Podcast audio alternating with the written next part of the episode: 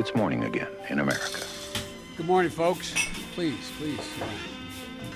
Come on, let's go. Let's go get some coffee. Thank you very much. Det er fredag 15. september, og morgenkaffen fra amerikanskpolitikk.no er servert. Nord-Korea har nå svart på nye FN-sanksjoner med å skyte nok en missil over Japan.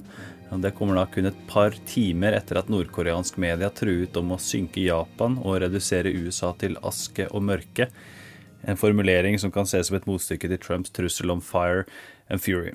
Tilbake i USA så kom det i går nyheter om eh, hvordan Trump ydmyka sin justisminister Jeff Sessions etter at Robert Mueller ble ansatt som eh, spesialetterforsker i Russland-saken. Eh, det var da et møte i Det kontor da Trump fikk nyheten. Sessions var der.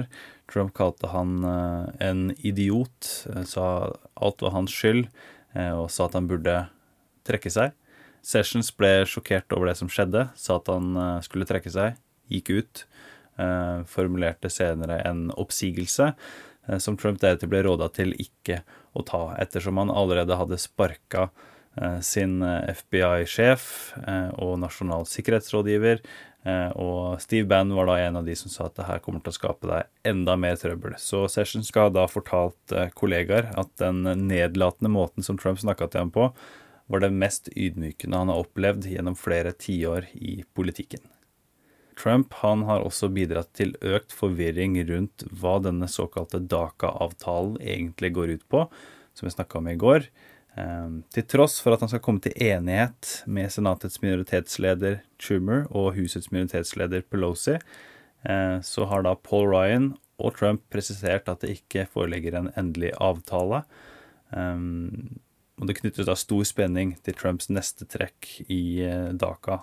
Nå er det da Kongressen som har ballen. Det skal gå, det seks, de har seks måneder på seg til å komme til enighet.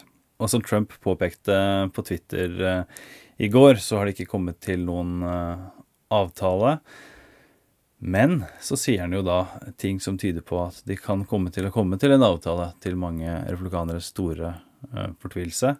Han sier da er det virkelig noen som har lyst til å kaste ut disse gode, utdannede eh, og flinke unge menneskene som har jobber og som tjenestegjør i militæret, eh, spør han. Og han sier at de har vært i landet i så mange år uten at det var deres egen feil, eh, at de ble hit, tatt med hit av sine egne foreldre. Så det er signaler som tyder på at Trump ønsker å få til den avtalen han selv sier at ikke er på plass enda. Dagens utgave av Morgenkaffen er servert av Per Åsmund Reimert og undertegnede Are Togelflaten. Du abonnerer og går til ampol.no kaffen. På vei inn i helgen så skal du nå få høre Virginias uh, Tim Kane og Tennessees Lamar Alexander. Uh, to senatorer. Første visepresidentkandidaten til Hillary Clinton. Andre uh, kar som prøvde seg som presidentkandidat bl.a. i 1996. de er da begge musikkinteresserte. Kane på munnspill Eh, Alexander på piano. Eh, så hør på det her, og god helg. I'll give you four bars of this just so you can get a taste.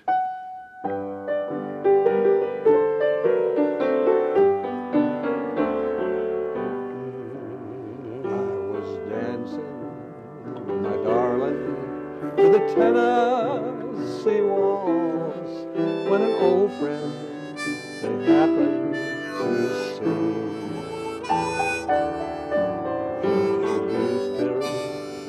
loved ones. And while they